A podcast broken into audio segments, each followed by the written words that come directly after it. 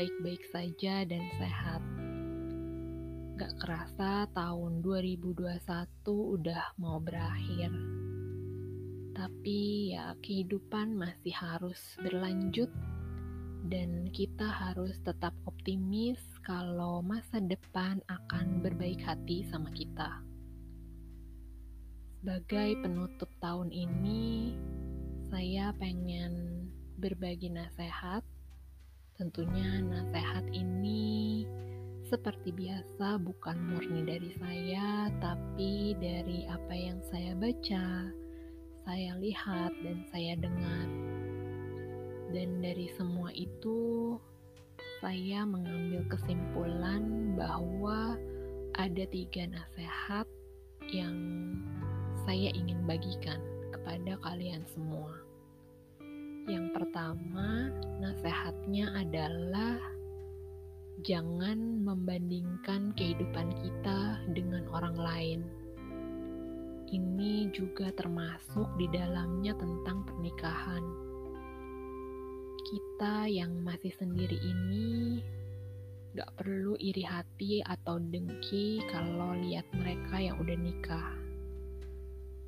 Karena setiap orang punya waktunya sendiri-sendiri. Dan sekarang ini mungkin emang belum waktunya giliran kita untuk menikah. Tapi semoga di tahun depan ada kesempatan yang datang ke kita.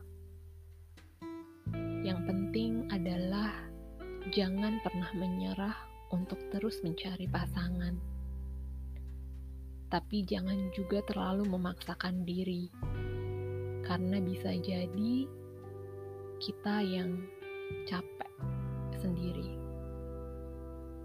Biarkan semuanya mengalir dengan usaha yang maksimal, tapi juga jangan lupa dengan pertimbangan-pertimbangan yang selama ini sudah kita pahami. Jangan juga asal-asalan pilih karena hanya pengen cepet-cepetan nikah. Supaya nggak menyesal nantinya. Nasihat yang kedua, ini untuk kamu yang mungkin aja baru mengalami kegagalan atau patah hati. Pesannya adalah tetap bersemangat segala apa yang sedang kamu rasakan saat ini itu valid. Kamu boleh marah, sedih, kecewa, atau bahkan menyesal. Tapi ingatlah kalau semua yang terjadi itu pasti ada pelajarannya, pasti ada hikmahnya. Dan kalau kita nggak ketemu orang yang salah, kita mungkin nggak bakal pernah tahu apa yang kita mau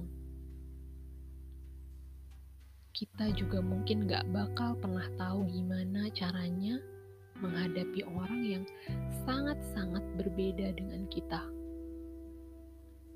Kalau kita juga gak mengakhiri hubungan dengan orang yang salah, kita mungkin gak punya kesempatan untuk ketemu orang yang lebih baik lagi di depan.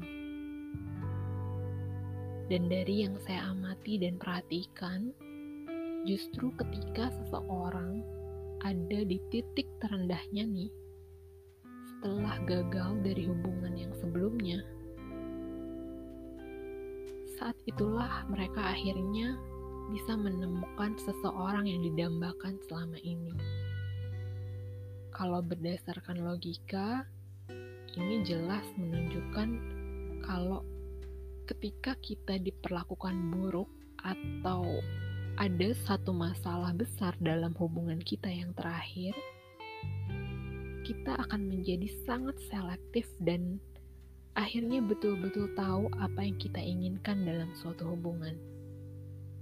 Maka ketika kita bertemu orang baru atau orang ya setelah hubungan kita yang sebelumnya, kita bisa langsung cut atau menghentikan orang-orang yang gak cocok sama kita dan kita hanya bisa melanjutkan dengan yang cocok aja. karena kita nggak lagi larut dalam angan-angan, dalam perandaian, mungkin dia bisa berubah, mungkin dia nanti akan begini, akan begitu. Kita nggak lagi ada di fase itu, tapi kita mulai membuka mata, dan kita sendiri sudah bisa lihat secara nyata siapa yang benar-benar serius ingin menikah dan siapa yang cuma ingin main-main aja, tapi mereka berkedok ingin menikah. Jadi tetaplah semangat mencari calon pendamping di luar sana, karena saya yakin kita semua pasti ada pasangannya. Dan nasihat yang terakhir, perbaiki diri sedikit demi sedikit saat kita sendiri ini adalah waktu yang tepat untuk menelaah kembali kebiasaan buruk yang kita punya dan coba memperbaiki itu. Dari hal-hal yang kecil, mungkin kebiasaan kita bangun siang, kita mulai rutin bangun pagi. Dari hal kecil itu, kita berkomitmen untuk mempersiapkan diri menjadi orang yang terbaik untuk bertemu orang yang terbaik pula. Maka jangan pernah merasa diri kita ini sudah baik. Teruslah menambah ilmu, teruslah memperbaiki diri.